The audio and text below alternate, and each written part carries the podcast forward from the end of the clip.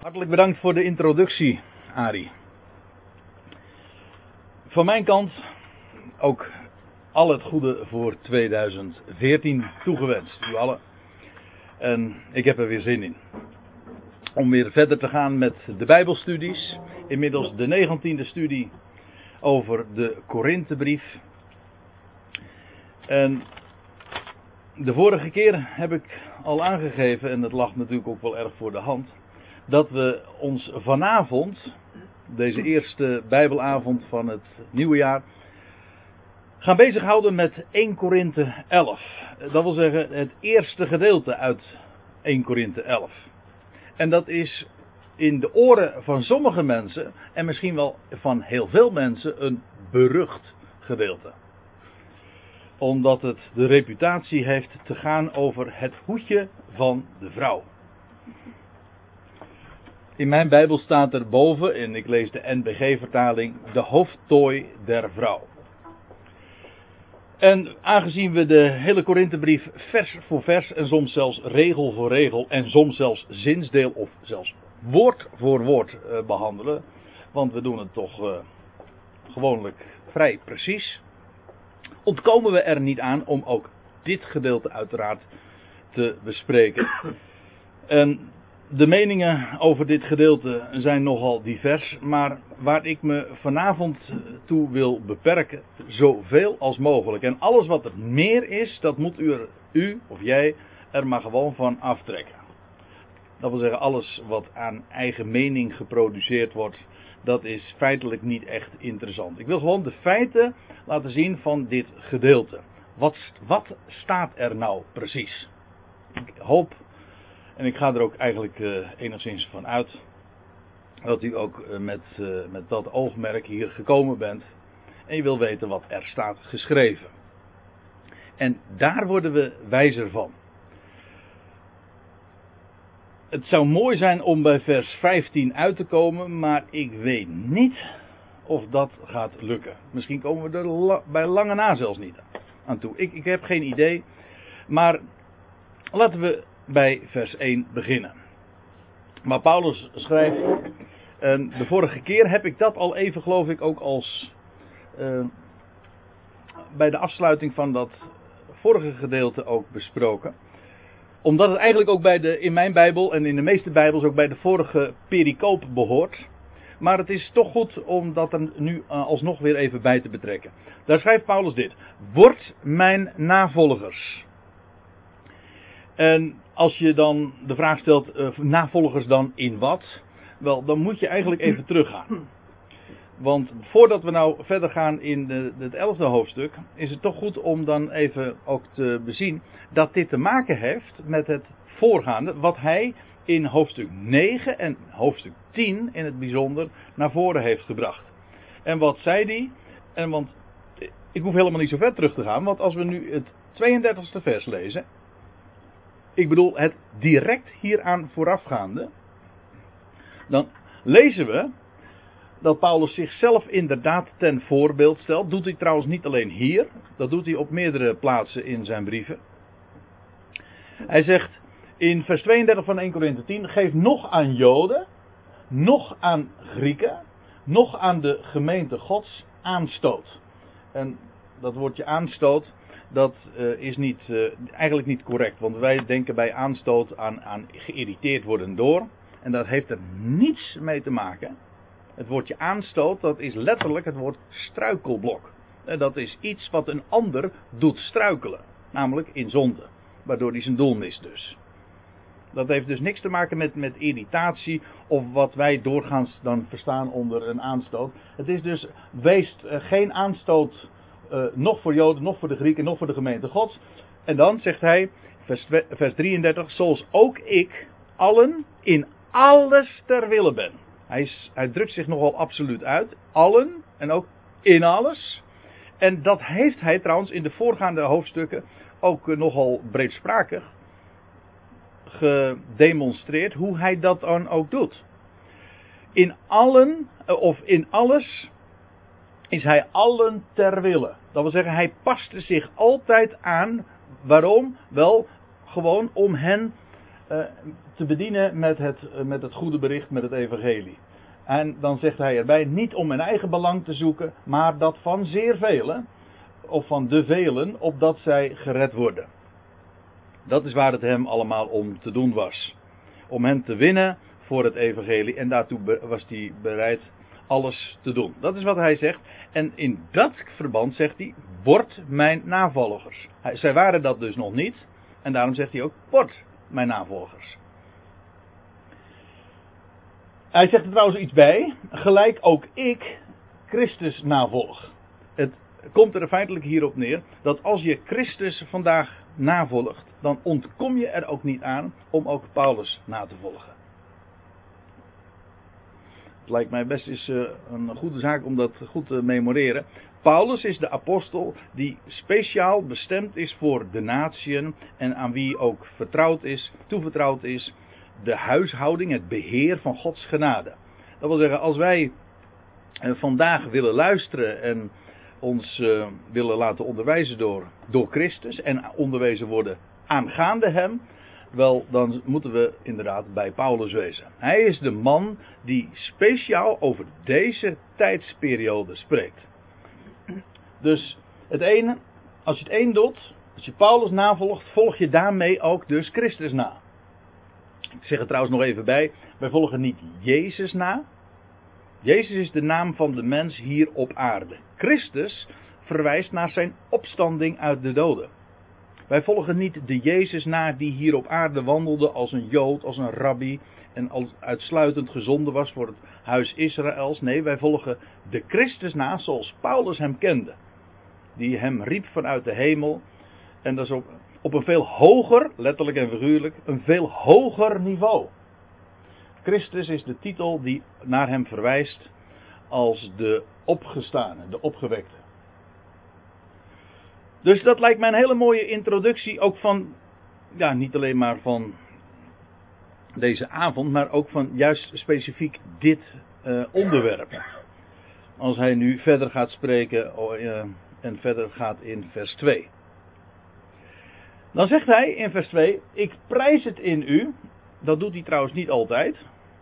Hij is heel eerlijk en in bepaalde opzichten prijst hij deze Corinthiërs. Maar als we even doorlezen in ditzelfde hoofdstuk, dan zie je dat hij ook een paar keer aanmerkingen maakt. En dan zegt hij: Ik prijs u niet. Hij zegt in vers 17 van dit hoofdstuk. Uh, ik lees nu even voor uit de Statenvertaling. Dit nu, hetgeen ik u aanzeggen, uh, prijs ik niet. Namelijk dat gij niet tot beter, maar tot erger samenkomt. Daarom preest hij ze niet. Uh, en, en nog een paar versen later zegt hij in vers 22, nu lees ik wel uit de MBG-vertaling voor. Of veracht gij de gemeente Gods en beschaamt gij degene die, niet, die niets hebben? Wat zal ik u zeggen? Zal ik u prijzen? In deze prijs ik u niet. Dus het is allemaal ditzelfde hoofdstuk. In twee opzichten dat hij ze bepaald niet prijst en hij uh, geeft ook de reden op. Maar nu begint hij dit hoofdstuk. En ja, ik heb er al eens vaker op gewezen. En dat is ook in dit verband misschien wel van belang om er nog even aan te herinneren. Die hele hoofdstuk- en versindeling is heel erg makkelijk om iets terug te vinden. Maar aan de andere kant, je moet, om het te verstaan, kan het soms alleen maar hinderen. Het is niet zo dat Paulus nu ineens een, een nieuw hoofdstuk begint. Dat die hoofdstuk hebben wij ingedeeld om het, uh, ja, om het uh, makkelijker terug te vinden. Maar in de, in de beoordeling en in het begrijpen van zo'n, van zo'n gedeelte zou het geen verschil moeten maken. Goed. Ik prijs het in u dat gij in alles aan mij gedachtig blijft. Of dat jullie alles van mij herinneren. Uh, er was een, een, hele warme band tussen Paulus en deze, deze Ecclesia daar in Korinthe. En ja, dat was niet zo verbazingwekkend. Deze Ecclesia was ook ontstaan door zijn, uh, door zijn prediking daar. En zij gaven gehoor aan dat wat hij onderwees. In hoe, hoezeer er ook uh, allerlei afwijkingen waren. Paulus was ook al lange tijd daar niet meer geweest. Afijn, hij prijsde in hen dat, hij, dat zij hem in alles herinnerde. En aan de overleveringen zo vasthoudt als ik ze u overgegeven heb. En u ziet hier, En voor degenen die uh, hier nu voor het eerst zijn, is het misschien even goed om erop te wijzen dat u hier dus een interlineair ziet. Zo heet dat. Interlineair betekent tussen de regels. En dat uh, is een mooie benaming in dit verband. Hierboven ziet u dus de, de Griekse tekst, het origineel zoals Paulus dat optekende. Tot het uh, handschrift zelfs aan toe. En daaronder zie je de Engelse concordant version. Dat is de meest letterlijke concordante weergave. En daaronder, de, die blauwe letters, dat is de wijze zoals de MBG-vertaling het weergeeft. Terecht of ten onrechte, daar gaat het niet om. Maar dan kun je het ook zo uh, vergelijken. En u ziet trouwens dat in de, hier een woord gebruikt wordt dat elders ook wordt weergegeven met tradities. Het woord overlevering is uh, identiek aan het woord traditie. En doorgaans heeft dat woord een, in de Bijbel een negatieve invulling.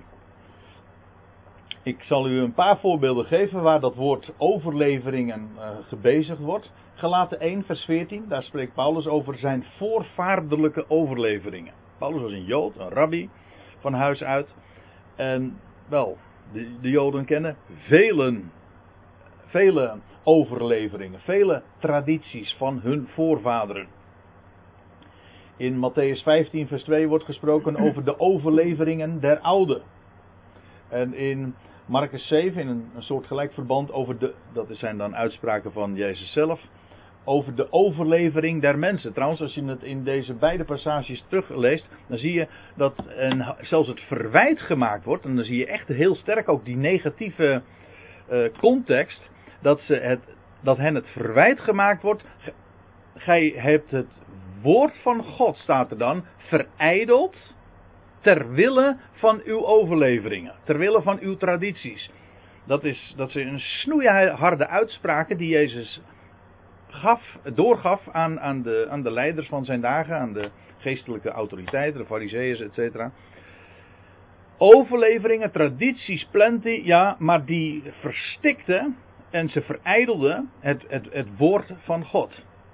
En waar het eigenlijk altijd om gaat is, zeker als, dat geldt ook voor als je een, een christelijke, een reformatorische of voor mijn part een evangelische of een rooms-katholieke achtergrond hebt. Um, om los te komen van de tradities. En dat valt niet mee. En sommige mensen doen daar hun hele leven over. En hoe, en hoe, hoe ouder je zeg maar daar afstand van doet, hoe moeilijker het wordt. En uh, er zijn bepaalde vormen van tradities die zelfs zo diep ingrijpen, niet alleen in je, in je denken, maar ook in je hart, in je hele existentie. Dat je echt van je, van zo lang als leven niet meer van bepaalde overleveringen echt afkomt. Natuurlijk in je denken misschien wel, maar in je beleving blijft het je aankleven. En dat is nog, nog netjes. Het kan je ook belasten. Ja. En om daar dan los van te komen. Gewoon het verschil te kunnen maken tussen dat wat, wat overlevering is en dat wat er staat geschreven. Iets soortgelijks als wat ik zojuist doorgaf. Of zo uh, als waarschuwing min of meer voor deze avond. Een soort van disclaimer. Van uh, ja, ik geef nu bijbelstudie. U luistert. Maar weet onderscheid te maken tussen dat wat er staat geschreven. En dat wat, wat je inderdaad als feit moet onderkennen. En dat wat als mening over de tekst gezegd wordt. Dat zijn altijd twee verschillende dingen. En als je dat onderscheid in je leven scherp leert maken tussen feiten en meningen, tussen dat wat gewoon een gegeven is en dat wat er over gedacht wordt, opinies, meningen, tradities, wel, dan eh, ben je een heel eind op streken in mijn beleving. Dat is ook wat, uh, wat scherp inzicht is. Afijn, uh, Paulus geeft niettemin ook overleveringen. Een overlevering op zich, ondanks het feit wat ik zojuist zei, heeft, dat het in de Bijbel doorgaans een negatieve betekenis heeft, is het begrip zelf neutraal. Het is gewoon dat wat je overgeeft. Ja, nou ja. En sommige dingen die je overgeleverd hebt, die zijn goed. En andere dingen zijn niet goed. Dat hangt, dat hangt er dus helemaal van af in hoeverre het recht van bestaan heeft in het licht van wat er staat geschreven. Dat is, dat is de vraag. En Paulus prijst het hen in, uh, in, hen erin dat zij aan de overleveringen zo vasthielden, dat wat hij hen dus verteld had, als hij ze ook daadwerkelijk had overgegeven. En wat hij hen had overgegeven, dat waren geen belastingen, geen wetten, dat wat ze moesten doen, maar dat had te maken met een bericht. Ik bedoel, hij had een, hen het evangelie, maar dat is een, een mededeling, het goede bericht doorgegeven. Dingen die te maken hebben met hoe, niet hoe, iets, hoe zij iets moesten doen, maar hoe iets is, wat het is. Het heeft te maken met wetenschap. Als je trouwens even doorbladert, ik heb er geen diaatje van, maar in 1 Korinthe 15, daar lees je in vers 1. Um,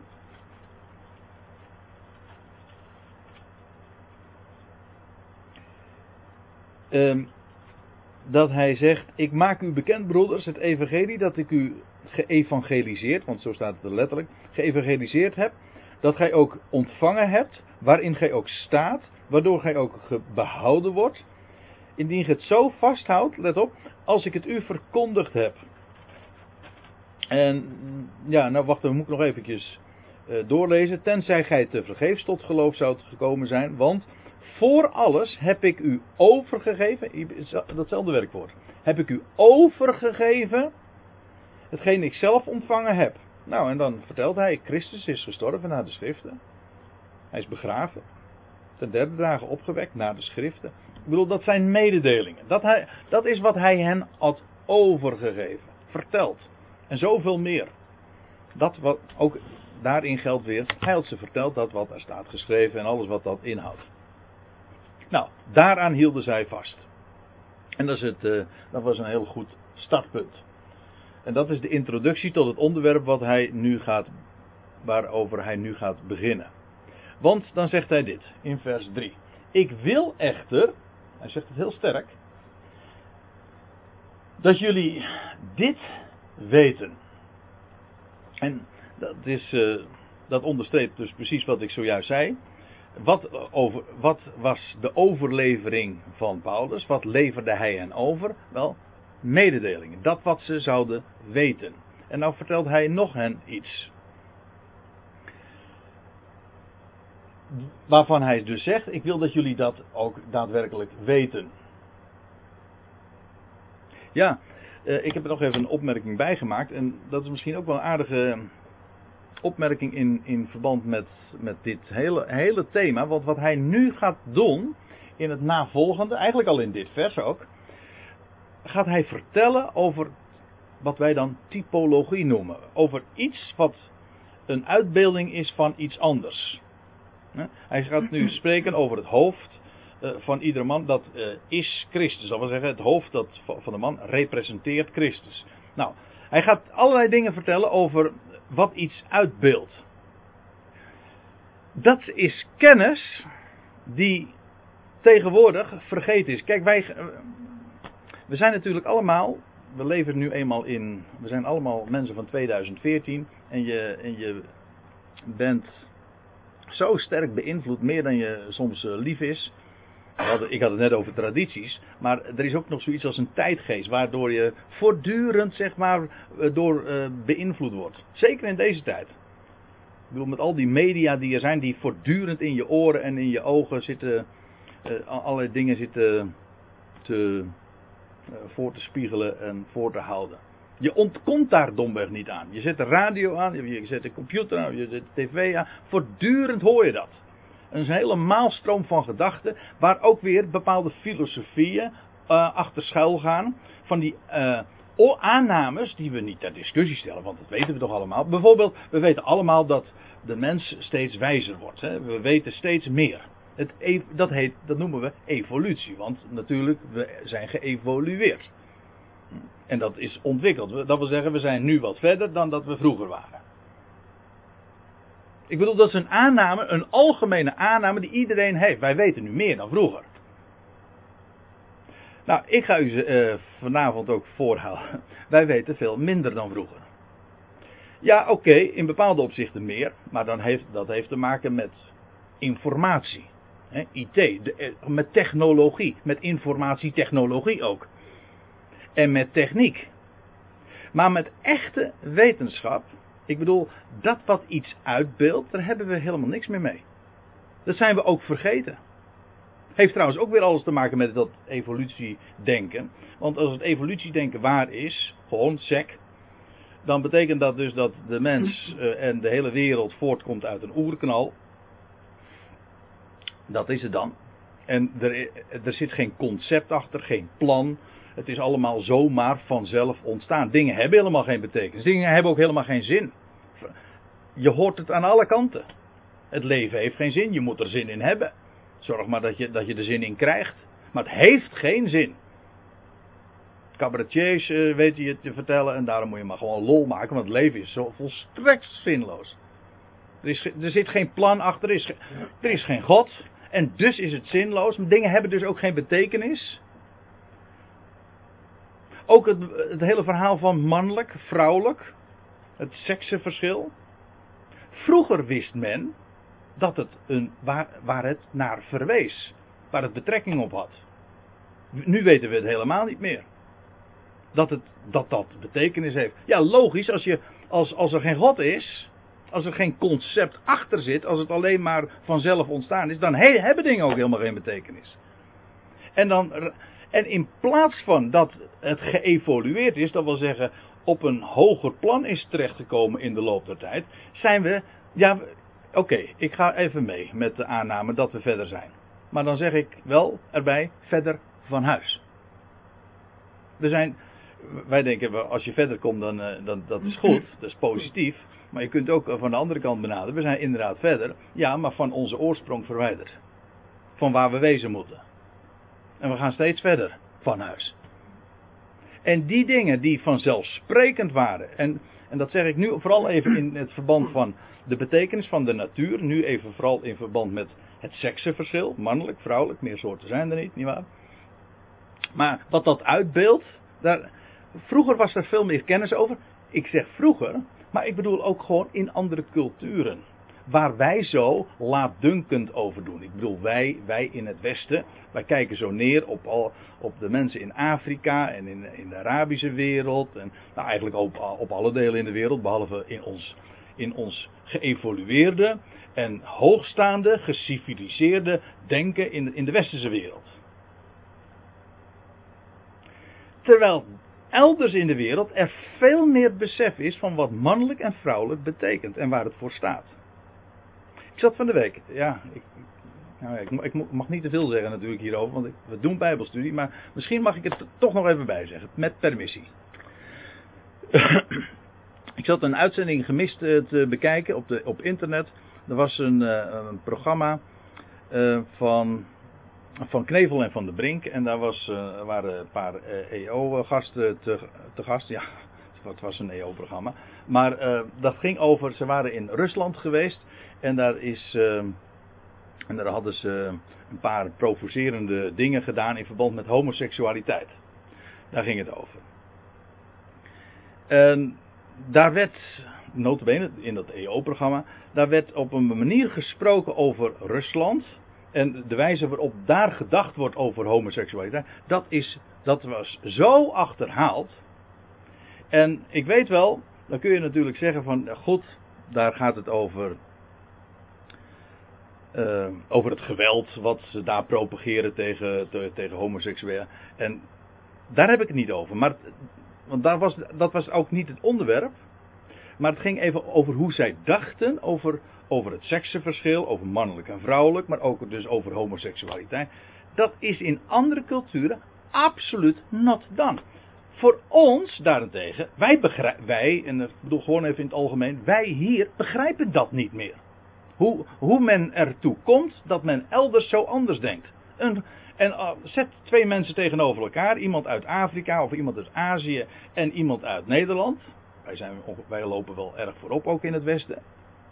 En daar is een denkkloof van jawelste. Ze snappen elkaar echt niet als het, als het over deze onderwerpen gaat. En de een vindt de ander gek en de ander vindt de een gek. En er is een enorm cultuur, cultureel, maar ook in, in, qua denkklimaat een enorm verschil. En dat heeft mede te maken met dit fenomeen. Dat is dat er heel veel wetenschap die voortvloeit uit uh, het goddelijk gegeven van dat hij mannelijk en vrouwelijk gemaakt heeft, dat we dat volledig kwijt zijn geraakt. Nou, Paulus wilde dat ze bepaalde dingen over deze dingen zouden weten. Ja. Nou, wat wil, wat wil hij dat wij zouden weten? Het hoofd van iedere man is Christus. Dat begrip hoofd, dat, eh, je zou dat eventjes wat in een bredere context ook moeten plaatsen. Paulus als een man die doorwrocht was in de, de Tenach, hè, in wat wij dan het Oude Testament noemen. De Hebreeuwse Bijbel komt het woordje de hoofd heel dikwijls voor. Uh, het woordje rosh. En daar, we, dat is wel interessant om dat eens te bezien. Want ik heb de, de concordantie hier juist vanmiddag eens even op nageslagen. En dan kijk je naar het woordje rosh, dat Hebreeuwse woord voor hoofd. Maar hoe dat wordt weergegeven. En ik zal u een paar voorbeelden geven. Dat Hebreeuwse woord hoofd, dat wordt vertaald in Micha 2 vers 13 met spits. Aan de spits staan dus. In 1 Kronieken met aanvoerder. Ik geef u zomaar een paar willekeurige voorbeelden. Maar wel veelzeggend. Uh, het wordt vertaald met uh, top. Wat ook vrij logisch is, want het hoofd is nu eenmaal, het staat bovenaan. De top. En uh, vandaar ook de eerste. Wat ook een vrij logische associatie is, want al, al denken we alleen al aan, het, aan, bij, aan de geboorte. Wat verschijnt als eerste, normaal gesproken? Het hoofd. Het eerste. Of het is het begin, de oorsprong. Nou, dat zijn allemaal van die associaties. En ik, ik heb een gewoon een beperkt lijstje even gegeven. Van associaties van het, uh, woorden die allemaal te maken hebben met hoofd. Het hoofd is niet de baas, maar het is wel het eerste waar het begint. En uh, hiërarchisch gezien staat het inderdaad aan de top. Dat zul ik straks ook nog laten zien. In elk geval, het hoofd van iedere man is Christus. En de grap is dat het woordje hoofd, zowel, dat is bij ons trouwens in onze taal ook zo, dat kan een letterlijk betekenis hebben. Gewoon het hoofd, het fysieke hoofd. Maar het is net zo goed ook een, heeft een figuurlijke betekenis. En dan heeft het inderdaad te maken met de aanvoerder of de spits, het hoofd van de school. Degene die leiding geeft. Dat is trouwens ook fysiek gezien is mijn hoofd niet de baas van mijn lichaam. Maar het voert wel uh, de leiding, dat is waar. Maar het is niet zo van dat er een sprake is van de onderdrukker en de onderdrukte. Integendeel, het is een organische eenheid die slechts kan functioneren bij de gratie van die leiding van het hoofd. Dus de gedachte van onderdrukking is totaal vreemd daaraan. Integendeel, het is een organisch begrip. Het hoofd van iedere man is Christus. Dat wil zeggen, dat hoofd van de man, dat representeert Christus. Misschien mag ik er even ook op wijzen dat hier het woordje is staat. En dat is in het Grieks op zich niet zo logisch, want het, uh, het Grieks kent geen werkwoord voor. Uh, kent het werkwoord zijn niet. Dat, verschijnsel heb je in meerdere talen. Maar normaal gesproken ontbreekt dat woordje zijn of, uh, of vervoegingen daarvan. Dan zeg je bijvoorbeeld niet ik ben André Piet, maar dan zeg je ik André Piet. Het woordje ben, ja wat betekent dat nou? Ik ben André Piet. Ik ben uh, Rijnsburger. Ik ben gek. Ik ben, ja, je kan van alles. Ik bedoel, wat het woordje ben, dat, uh, of dat werkwoord zijn, heeft in wezen niet eens een echte betekenis. Er zijn ook mensen die zeggen van dat woordje zou je gewoon moeten schrappen. Maar, dat in, in het Grieks hoef je dat niet schrappen, want het bestaat domweg niet. Maar soms wordt het wel gebruikt. Maar dan heeft het een speciale betekenis, namelijk dat van representatie. Iets is iets anders. Bijvoorbeeld, ik zal een voorbeeld geven. Dan zegt Jezus bij, eh, als hij het brood breekt, in de nacht voordat hij overgeleverd wordt, dan zegt hij: Dit brood is mijn lichaam. Van die beker is het nieuwe verbond in mijn bloed. Wat betekent dat is? Is dat een, een, een wiskundig is gelijkteken? Nee. Het betekent het een representeert het ander. Het een is een beeld van het ander. En dat hoofd van iedere man, dat representeert Christus. Het hoofd van de vrouw is de man. Ja, nou kom je precies weer op dat punt wat ik al even dus aan uh, probeerde te duiden in, uh, in zojuist dat, die, ja, die korte uitweiding over bepaalde dingen die wij kwijt zijn. Want dit stuit natuurlijk in westerse oren, hè, mensen à la anno 2014, toch op, uh, je voelt je er ongemakkelijk bij. Ja, ik niet. En dat is niet omdat ik man ben, maar gewoon omdat ik denk, ja, omdat je toch bijbels leert denken. Maar de meeste mensen hebben, uh, hebben hier moeite mee. Als je deze Bijbelstudie zou geven in Afrika of elders in de wereld, hè, zouden ze zeggen: nou, dat is logisch, dat is gewoon, dat zit in hun systeem, dat is vanzelfsprekend, ABC. Wij hebben daar inmiddels moeite mee gekregen. Ja, en dan zeggen we: uh, ja, wij weten nu beter. Of wij zeggen ook zo, uh, kunnen zo laat denken, laatdunkend zeggen over voorgaande generaties. Zeggen van die hebben zich vergist. En ik vind dat een wat hoogmoedige benadering. Want je zou natuurlijk net zo goed ervan uit kunnen gaan. Als voorgaande generaties zich konden vergissen, dan kan onze generatie zich toch ook vergissen. Ga, probeer eens op dat standpunt te staan. Nou, in ieder geval, ik ga uit van de Bijbel en dus uh, onze generatie kan zich wel eens een keertje heel erg vergissen. We zijn dingen kwijtgeraakt. Afijn, het hoofd van de vrouw, of eigenlijk de, het is niet een bepaald lidwoord, het staat gewoon een. Van een vrouw is de man. Wel de man. En het hoofd van Christus is God. Of eigenlijk staat hier twee keer een bepaald lidwoord. Het hoofd van de Christus, de Mashiach, als ik het op zijn zeg, van de gezalfde is de God.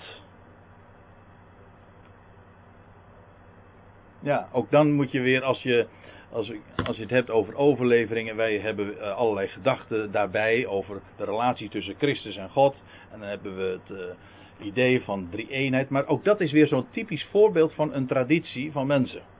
De Bijbel kent het woord drie-eenheid niet. Ja, sorry, dat is gewoon een, dat is geen mening, dat is een, een, een waarneming, zo'n vaststelling. Nou, en dan zeggen ze van, ja, maar hoe, als dit zo is, het hoofd van de Christus is God. Maar Christus is toch God? Weet je wel, in die sfeer dan. Laat, laten we gewoon lezen wat er staat. Het hoofd van Christus is God. Is de God. En ik heb hier een paar verwijzingen staan naar in dezezelfde brief alleen al. 1 Korinthe 8 vers 6, daar lees je dat Paulus zegt. We hebben dat al een aantal keren, aantal avonden terug hebben besproken. Dan zegt hij. Voor ons nogthans is er één God, de Vader, uit wie alle dingen zijn. 1 Korinthe 15 vers 28, daar lees je dat aan het einde van de Ionen dat als alle heerschappij zal teniet gedaan zijn en ook de laatste vijand, de dood, er niet meer zal zijn omdat alle zullen leven, dan staat er dat de zoon zelf zich zal onderschikken aan de vader en het koninkrijk zal e- overgeven aan God, de vader. En dan staat erbij, opdat het zij God alles in allen. Ja, die hiërarchie. Zoals je kunt spreken over nou, laat ik het zo uh, even zien. Ik heb hier even een tekeningetje gemaakt. Volgorde en rangorde. Je krijgt dus dit verhaal, als je het in schema voorstelt, dan krijg je dus God, uiteraard aan de top van de piramide. Dan krijg je Christus, de man en de vrouw. Is dit een kwestie van minderwaardigheid? Of, nee, heeft er helemaal niks mee te maken. Dit is hiërarchie. Een kind staat, ik, hiërarchisch onder de ouders. Is een kind minder waardig dan de ouders? Nee, natuurlijk niet. Maar het gaat over hiërarchie. Ik zei al, uh, ik spreek hier over rangorde, maar ook, het is ook volgeorde. Als het hoofd heeft te maken met de, het begin, waar, waar het inderdaad dus begint. En dat betekent dus dat als het hoofd van Christus God is, dan betekent dat hij er eerder is. God was daar, Christus, het woord, waar alles uit voortgekomen is. Toen was daar de man en vervolgens was daar de vrouw. In die volgorde. Het is dus niet alleen een rangorde, maar die rangorde heeft te maken met de volgorde. Wie was er eerder dan wie? God, Christus, man, vrouw. Zo, in die volgorde. De vrouw is uit de man. De vrouw is er ook om de man. Nou ja. Ik uh, loop nu even vooruit aan uh, diverse uitspraken die Paulus in ditzelfde gedeelte ook al doet. Goed, we gaan gewoon verder. Iedere man die bidt of profeteert. En wat hij, uh, waar Paulus het hier over heeft, is over een publieke bezigheid. Die, die combinatie van bidden en profeteren, dat uh, kom je later nog weer tegen in hoofdstuk 14 en moet u die versen maar even bekijken. Ik wil dat nu niet nagaan, maar in die versen zie je inderdaad dat die combinatie ook gebezigd wordt en dan gaat het over een publiek gebeuren. Bidden en profeteren, nou niet zomaar privé, maar gewoon aan publiek, in het openbaar. En dan nog iets, dat woordje profeteren Dat is iets wat in onze dagen niet meer bestaat. Geloof ik. Uh, is dit mening? Nou ja, dan laat ik het zo zeggen. In uh, 1 Korinthe 13, vers 8. Misschien laten, laten we het even opzoeken. Daar lees je. Bij een veel latere gelegenheid zullen we daar natuurlijk vanzelf ook nog wel opkomen. Maar ja, goed, bepaalde dingen grijpen nu eenmaal in elkaar. Daar lees je dit in vers 8 van 1 Korinthe 13. De liefde vergaat nimmer meer. Maar, zegt Paulus, profetieën, zij zullen afgedaan hebben. Tongen, dat wil zeggen vreemde talen, het spreken in vreemde talen, zal verstommen. En, zegt hij, kennis, het gaat hier over gaven van kennis, iets wat een, een bepaald stuk kennis, wat gewoon ter plekke geopenbaard wordt. Wel, die gaven van kennis zullen ook afgedaan hebben. Want, zegt hij, onvolkomen, of letterlijk uh, stuksgewijs, fragmentarisch. Fragmentarisch is ons kennen, fragmentarisch is ons profiteren. Maar als het volmaakte, letterlijk als de volwassenheid komt, dan zal dat fragmentarische afgedaan hebben. Toen ik een kind was, sprak ik als een kind, voelde ik als een kind, overlegde ik als een kind. En nu ik een man ben geworden, heb ik afgelegd wat kinderlijk was.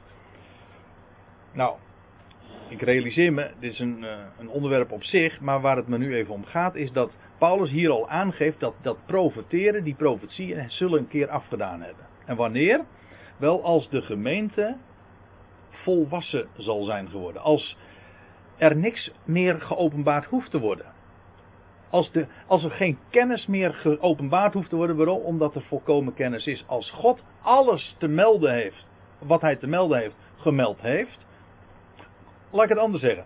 Als het woord van God gecompleteerd is, wel, dan is de volwassenheid aangebroken. Dan is alles gesproken wat gesproken moest worden.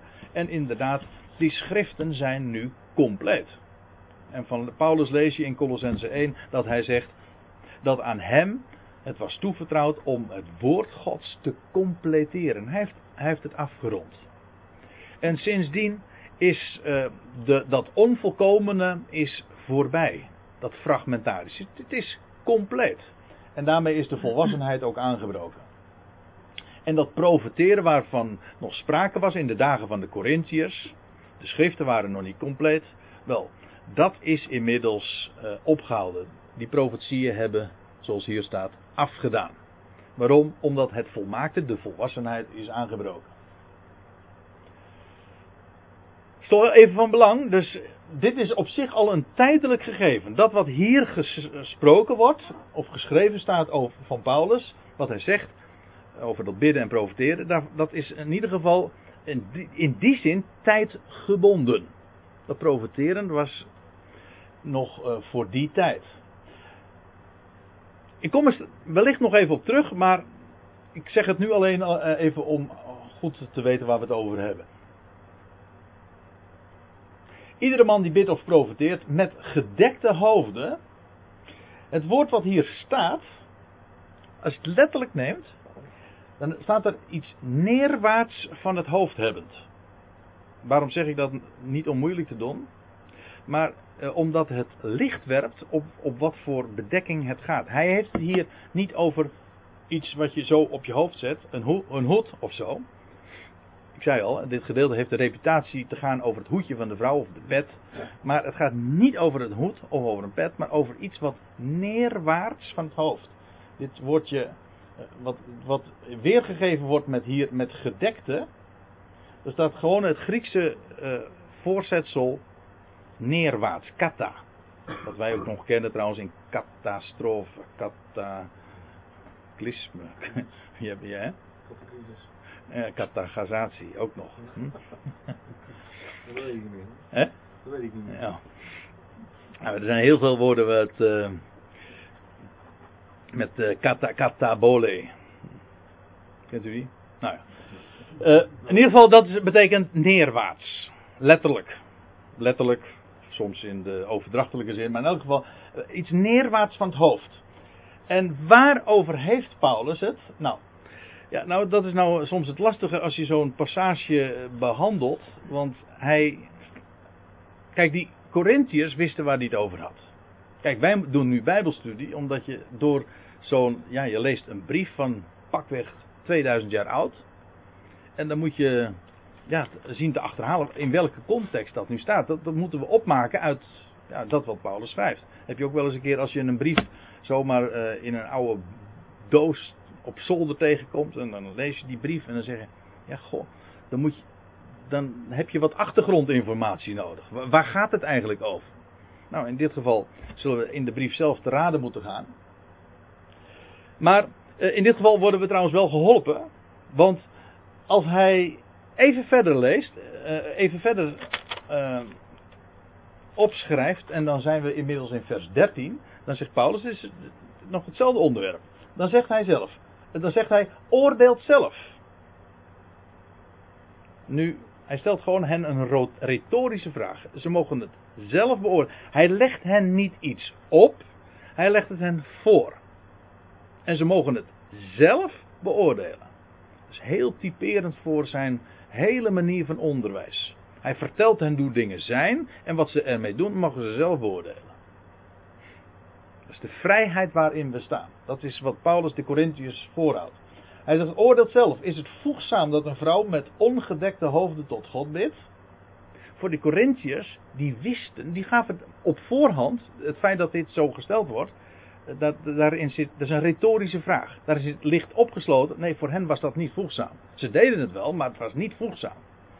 Het, het hoort niet zo. Maar daar gaat het me nu even niet om. Het gaat me even om dat woordje, uh, dat bedekken. Waar heeft hij het over?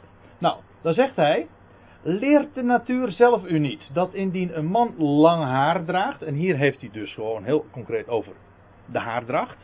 Indien een man lang haar draagt, dit een schande voor hem is, letterlijk een, uh,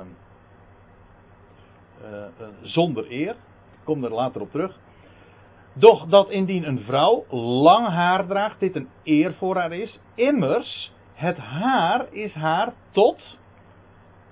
Maar er staat hier in het Grieks het woordje anti. En dat betekent in plaats van. Het haar is haar. Het lange haar dus. Het lange haar is haar tot, of letterlijk, in, plaats van een sluier gegeven. Waarover heeft Paulus het dus? Over die bedekking. Die bedekte hoofd. Hij heeft het over een sluier. Niet over een hoedje, niet over een pet. Hij heeft het over een sluier. En wat is die sluier?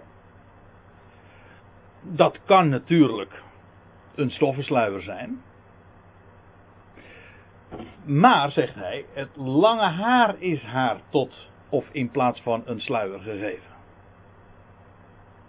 We komen daar later nog op terug. Maar het gaat mij nu even om het punt dat hij het heeft over een sluier. Waar wij natuurlijk ook heel laatdunkend over spreken. Als je gesluierde vrouwen ziet. Een burka. Ja, een burka, dat is helemaal. Uh, zelfs, is zelfs het gezicht gesluierd. Maar uh, ja, ik heb uh,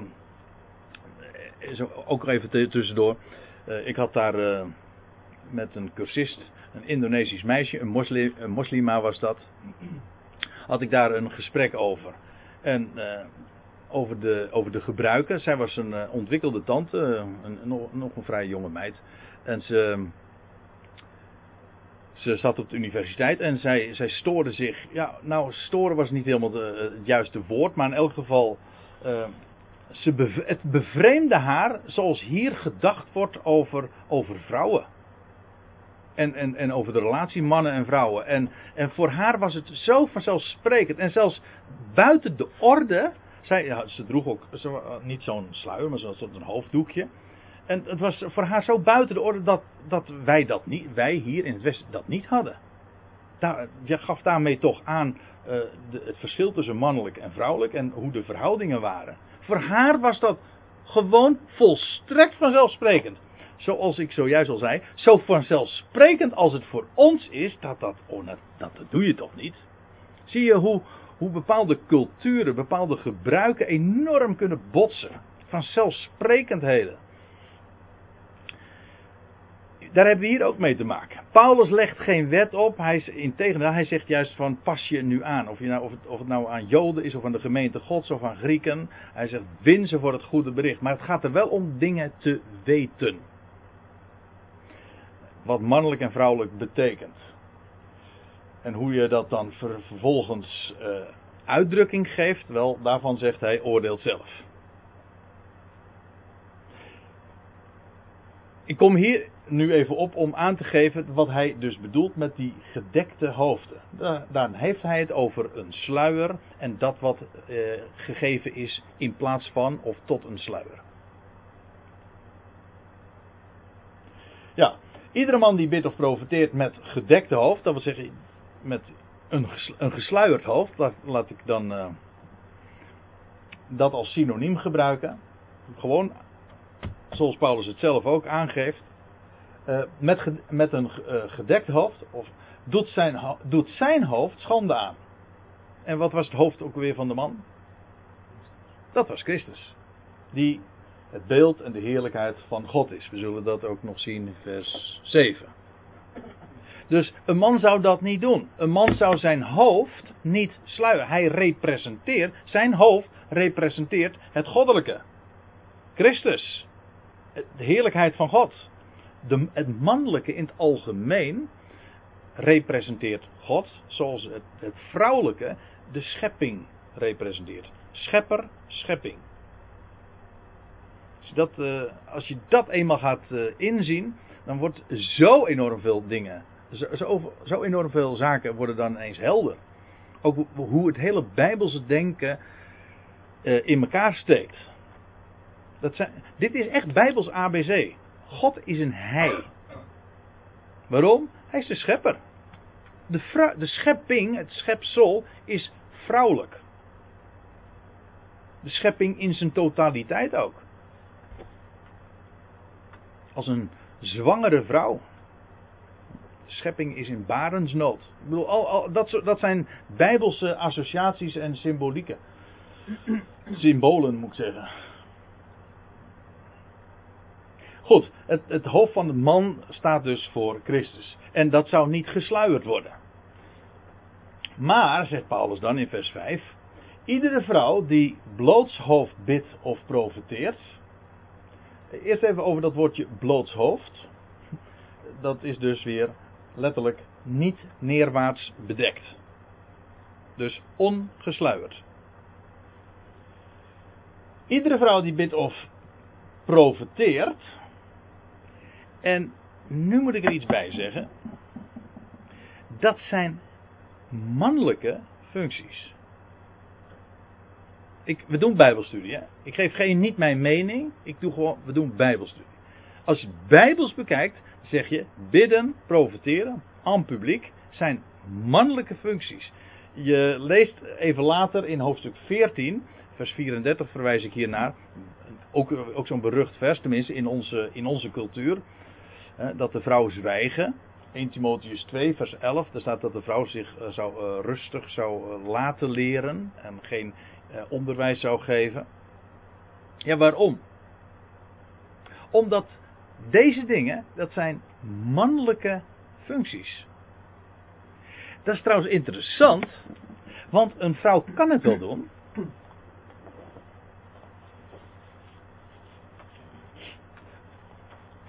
Dat zie je trouwens in het algemeen. Je ziet heel vaak dat een vrouw, ook in de Bijbel trouwens hoor, dat is geen probleem, eh, dat ook een vrouw een mannelijke functie uitoefent.